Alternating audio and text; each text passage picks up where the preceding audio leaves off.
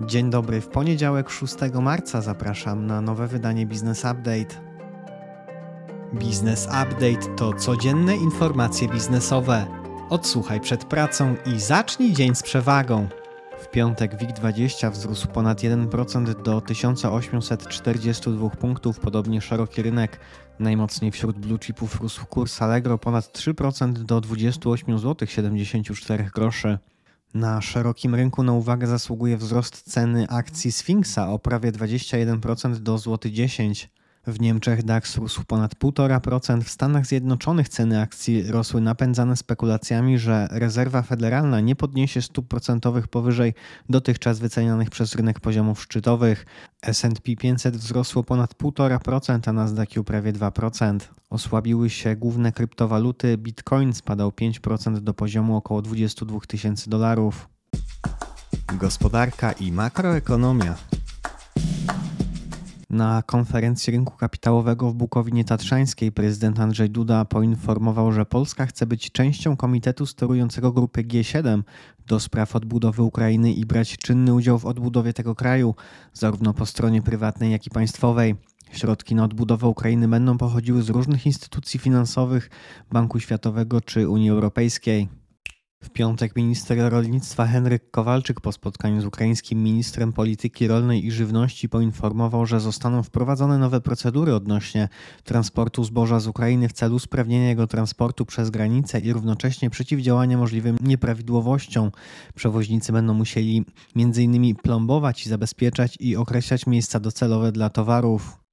CPK nabyło prawie 500 hektarów gruntów pod budowę portu lotniczego. Dwie trzecie mieszkańców z projektowanego obszaru pierwszego etapu lotniska zgłosiło się do programu dobrowolnych nabyć nieruchomości, w ramach którego otrzymają 120% wartości gruntów i 140% wartości budynków. Wiadomości z Unii Europejskiej. W lutym inflacja w strefie euro spadła nieznacznie do 8,5%. Inflacja bazowa wzrosła w lutym do około 5,6% z 5,3% w styczniu.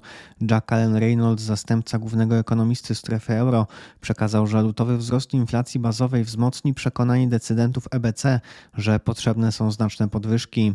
Członek Rady Prezesów EBC Pierre Wunsch uważa, że stopy procentowe EBC mogą wzrosnąć do 4% z obecnych 3%, jeśli nie zostanie odnotowany spadek inflacji bazowej.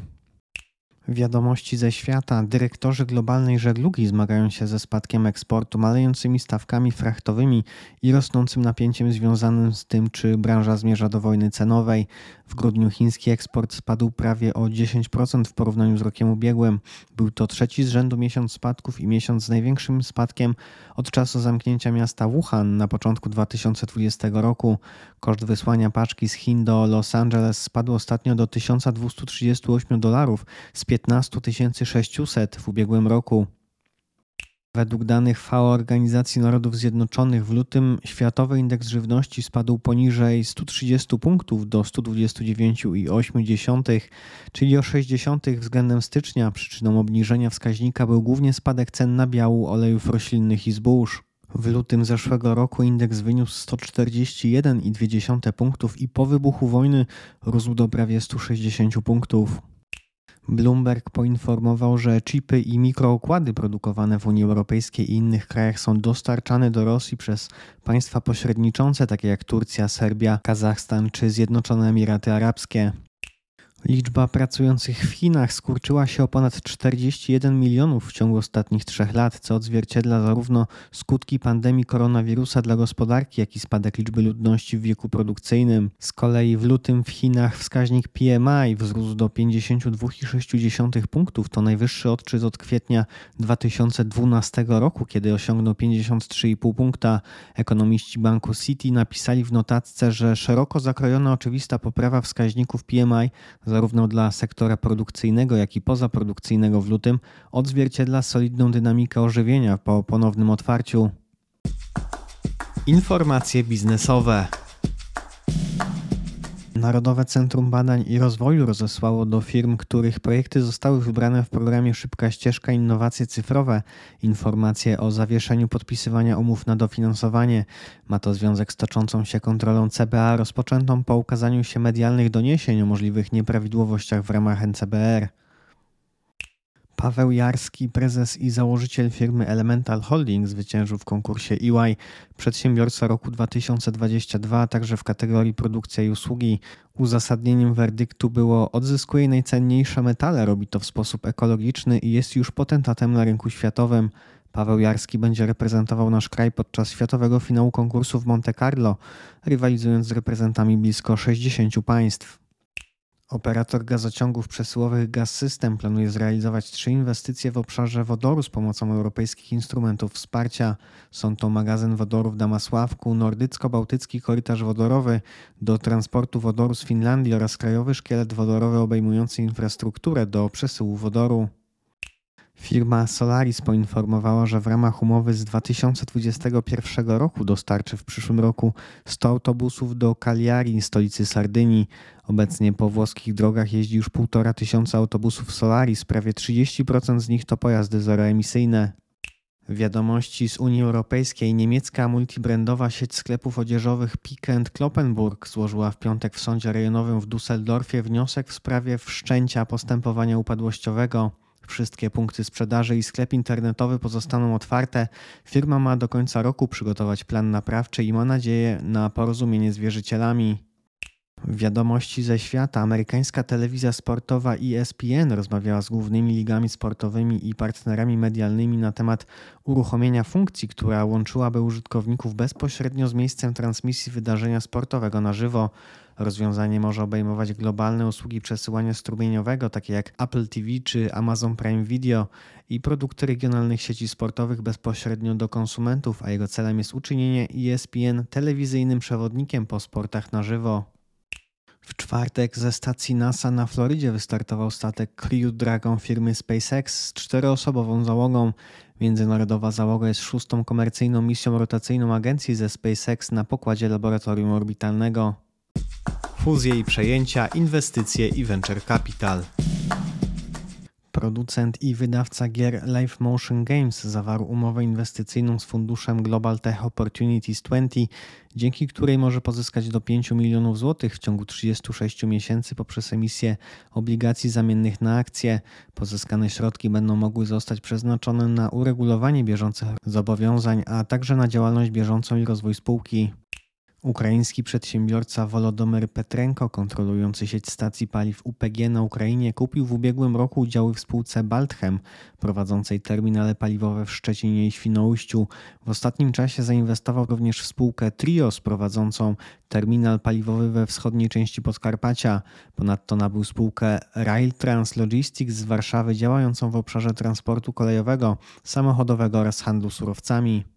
Wiadomości z Unii Europejskiej Blackstone, zarządzający funduszami inwestycyjnymi, nie wywiązał się ze spłaty obligacji o wartości 531 milionów euro zabezpieczonych portfelem fińskich biur i sklepów, ponieważ rosnące stopy procentowe uderzyły w wartość nieruchomości.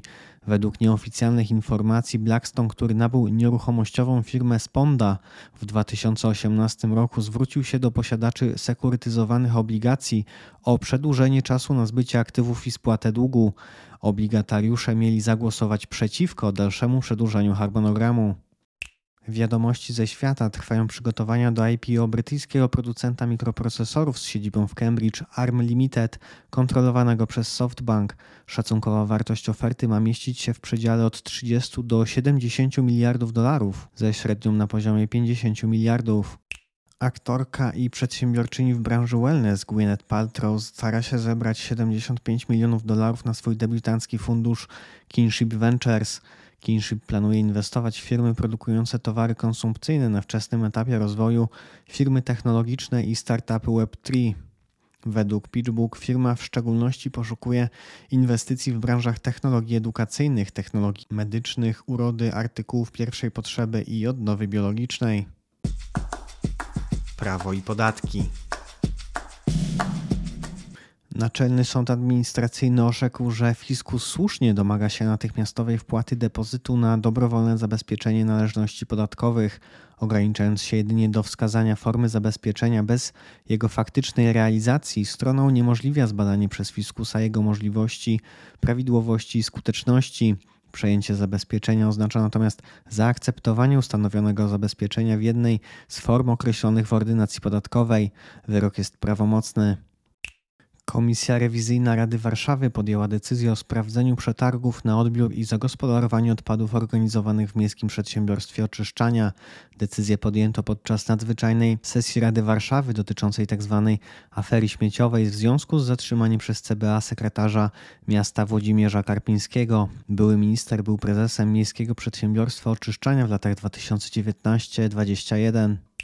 Rzecznik rządu poinformował, że wciąż analizowane są szczegóły projektu ustawy o ograniczeniach w nabywaniu lokali mieszkalnych. Rząd nie rozwiązał jeszcze kwestii związanych z ewentualnymi ograniczeniami dla osób fizycznych w tym obszarze. Projekt w aktualnym brzmieniu zakłada, że osoba, tak samo instytucje, jak i fundusze inwestycyjne czy indywidualni inwestorzy posiadające co najmniej pięć lokali mieszkalnych będzie mogła nabyć tylko jedno mieszkanie raz na rok. Dyrektor Krajowej Informacji Skarbowej poinformował, że wynagrodzenie dla agenta nieruchomości jest zwykłym rozliczeniem biznesowym, a nie sztucznym pompowaniem kosztów. Przepisy dotyczące ograniczenia wydatków marketingowych 5 lat po wprowadzeniu wciąż budzą kontrowersje, jednak fiskus potwierdził, że agent sprzedaży nie musi być oszustem skarbowym. Główny inspektor nadzoru budowlanego poinformował, że organ administracji architektoniczno-budowlanej jest związany decyzją o pozwoleniu na budowę od chwili jej doręczenia lub ogłoszenia.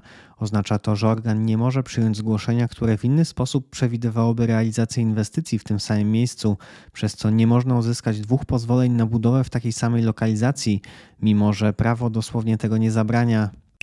Wiadomości z Unii Europejskiej Rada postanowiła przesunąć planowane pierwotnie na przyszły tydzień głosowanie nad nowymi przepisami związanymi z zakończeniem sprzedaży nowych samochodów z silnikami spalinowymi w 2035 roku. Powodem opóźnienia jest sprzeciw Niemiec, które wcześniej w pełni poparły wprowadzenie ostrzejszych przepisów. Niemiecki minister transportu Volker Wissing stwierdził, że stosowanie paliw syntetycznych powinno pozostać możliwe po 2035 roku i wezwał Komisję Europejską do złożenia wniosku w tym celu. Dziennik Financial Dagblad poinformował, że pięciu nastolatków z Almer w środkowej Holandii zostało zatrzymanych w związku z fałszowaniem banknotów euro używanych w 22 krajach. Podrobione banknoty o nominałach 20 i 50 euro produkowane były na zwykłej drukarce atramentowej dzięki instrukcji znalezionej przez chłopców w internecie. Holenderska policja ustaliła, że przez kilka miesięcy udało im się wyprodukować ponad 20 tysięcy banknotów. Prokuratura domagała się dla nastolatków kar od 18 miesięcy do 5 lat pozbawienia wolności. Wiadomości ze świata. Sąd administracyjny w Nowym Jorku orzekł, że Starbucks kilkadziesiąt razy naruszył federalne prawo pracy poprzez nielegalne monitorowanie, dyscyplinowanie i zwalnianie pracowników zaangażowanych w organizowanie związków zawodowych. Orzeczenie zobowiązuje Starbucksa do przywrócenia siedmiu pracowników z obszaru Buffalo, którzy zostali bezprawnie zwolnieni z firmy oraz wypłaty zaległego wynagrodzenia i odszkodowań dla ponad 20 pracowników. To już wszystkie informacje w dzisiejszym wydaniu podcastu. Nieco więcej informacji, szczególnie dotyczących danych rynkowych i wyników finansowych, znajdą Państwo w wersji tekstowej, czyli w newsletterze, na który można zapisać się na businessupdate.pl. Jeżeli serwis jest pomocny, będziemy wdzięczni za polecanie go. Ja życzę Państwu owocnego poniedziałku i całego tygodnia i do usłyszenia jutro.